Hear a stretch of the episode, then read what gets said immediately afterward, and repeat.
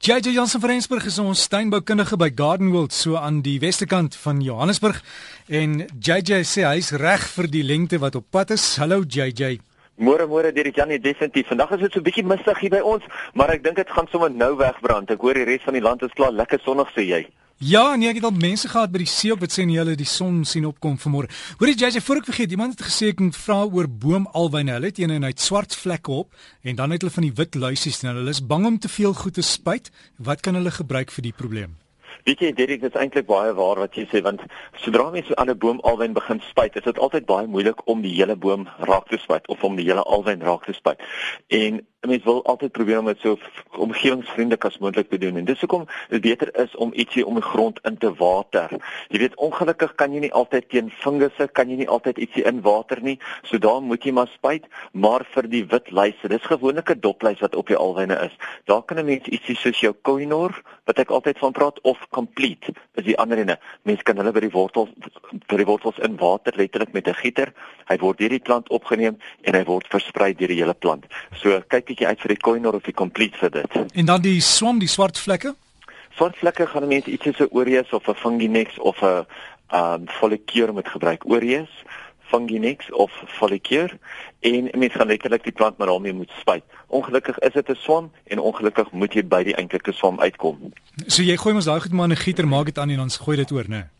Dis hy ja, so as dit 'n kleinerige plant is en jy kan bo by hom uitkom, kan jy net self soos jy sê in 'n gieter aanmaak en bo die plant uitgooi. Um andersins spuit jy hom bo op die plant, maar as jy die teen die lyse wil behandel, dit meng jy sommer in 'n gieter en jy gooi dit om die basis, dan weet jy ook dat die wind dit nie maklik kan wegwaai of dat jy dit nie maklik op jou lyf kan kry nie, weet, want baie van hierdie gifstowwe kan deur mense vel geabsorbeer word. Ja, en volg maar net die instruksies, gif bly gif en bly gevaarlik. Jy die ander goed wat ons nou in die tuin moet doen, um ons ons kan bietjie mis in die grond in werk, ons kan kompos in werk. Jy moet regmaak vir die komende lente. Ja nee, definitief. Volgende week gaan ons bietjie gesels oor die boom van die jaar, maar hierdie keer kom ons gesels bietjie oor kunsmis. En baie mense, ek het nou laasweek het ek gepraat van 'n 321 kunsmis vir jou grasperk en 'n 315 kunsmis vir jou rose en jou vrugtebome. Nou vra mense, watter kunsmis moet ek vir wat gebruik? Jy weet want daar's al hierdie nommers en baie mense word baie keer die mekaar met al hierdie nommers. Hulle weet nie wat om wanneer toe te dien. Wat is die regte kunsmis vir die regte plant nie? Nou Die groot ding is natuurlik daai nommers wat mense altyd op die sakke kry. En die nommers is eintlik jou verhouding N, P en K. N is natuurlik vir stikstof, P is vir fosfate en K is natuurlik vir kalium. So as jy kunsmis wil gebruik wat die blare aanjaag, dan moet jy ingebruik wat hoog is in N in stikstof, soos byvoorbeeld 'n 713 of 'n 411, want hy is lekker hoog op die stikstofkant.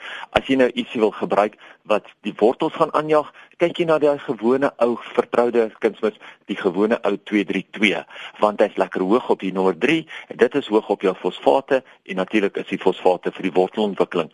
Die laaste nommer is natuurlik die kalium en dit is vir blomme en vir vrugte.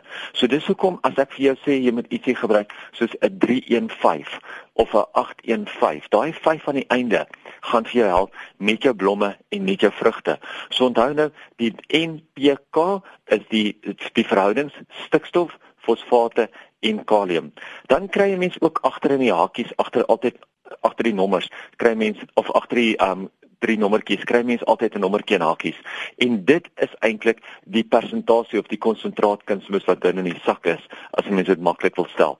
So as jy mens twee kunsmisse het en jy 2 2 3 2 is langs mekaar en die een het 'n hakies 22 en die ander een 28, dan beteken dit net dat jou konsentrasie kunsmis in die 28 baie hoër is. So hy mag dalk 'n klein bietjie duurder wees, maar hy het minder bindingsoutte in hom. En dis hoekom ons altyd sê dat moet nooit dieselfde kunsmis herhaal keer op keer op keer nie want al wat oorbly in die grond is al daai bindingsoutte. Dis hoekom jy dit bietjie moet afwissel dat dit ander bindingsoutte is, minder bindingsoutte is en ook dat jy nou jou grond nie so vergiftig nie. Dit waarvan ek nou net gepraat het, die NPK, is natuurlik jou makroelemente dan kry jy mense ook wat hulle noem die mikroelemente. En dit beteken nie dat die kunsmis kleiner is nie, maar dit beteken dat die plante baie minder van dit nodig het en dat 'n mens baie minder in die konsentrasie nodig het. So of in die konsentraat nodig het. So as jy mens kyk na mikroelemente, kyk jy byvoorbeeld na iets soos jou kalsium, jou magnesium, jou boron, mangaan, yster ensovoorts. Daar's baie van hulle. Maar hulle is die draers. Hulle maak die makroelemente beskikbaar aan die plante.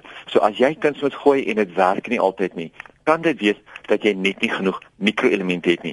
So kyk bietjie of jy mikroelemente, hulle noem dit ook in Engels natuurlik trace elements of spoorelemente is dieselfde ding. Kyk bietjie of jy kunsmis kan kry met daai spoorelemente in dit. Ja, jy ek sien ek het ook gesien by die kwekerye deesdae met jy praat van spoorelemente, maar baie meer mense gaan vir die groener produkte en ek sien baie van die plekke het 'n groter verskeidenheid beskikbaar, né? Nee? Ja, nee, definitief. Veral as jy kyk na jou organiese bemestingsstowwe. Hulle het weer net so baie spoorelemente in hulle ook ingemeng. So ek sê altyd meng as as jy nie net op sinteties of net op orga, organies wil konsentreer nie. Wissel dit met mekaar af en dan weet jy dat jy die beste uit jou plante uit, uit gaan kry. Daar is ook deesdae 'n nuwe groente mengsel beskikbaar of groente saad beskikbaar en dit is nou waar een van die saadmaatskappye 'n nuwe spesiale versameling uitgebring het. Staak eers is die maatskappy, maar so jammer ek moet nou die naam sê, want anders gaan die mense nie weet wat, wat om voor te soek nie. Hulle het deesdae gekleurde wortels. Jy kan jou eie springmielies, jou eie popcorn kan jy groei in jou tuin. Hy pers blomkool, hulle het blomkool wat op 'n struik groei. Hulle het selfs hierdie geel klein cherry tomaties wat ook wat mense ook kry en dan natuurlik ook 'n boerpampoen wat so te sê glad nie pitte het nie. Kan jy glo dat jy letterlik amper die hele pampoen net so kan gaar maak? Kyk bietjie uit daarvoor. En dan natuurlik die ander twee goedjies wat gebeur is die twee klibbeeskoue wat hier bo in die rand gebeur. Ek wag vir die mense om my in die Kaap te laat weet wanneer hulle klibbeeskou is, maar ons het die een natuurlik in Pretoria die naweek van die 7 en 8de September, so dis die eerste naweek van September en dan natuurlik 14 en 15 September is daar vir die groot een by Garden World. Ons so gesels ons dan met JJ Jansen van Rensburg en onthou as jy vir my vrae het, ek sien dis klaar mense wat vra, hulle het luister op die Salie en Roosmaryn en dan iemand anders ook gevra het oor boomvarings. Epos gou vir JJ.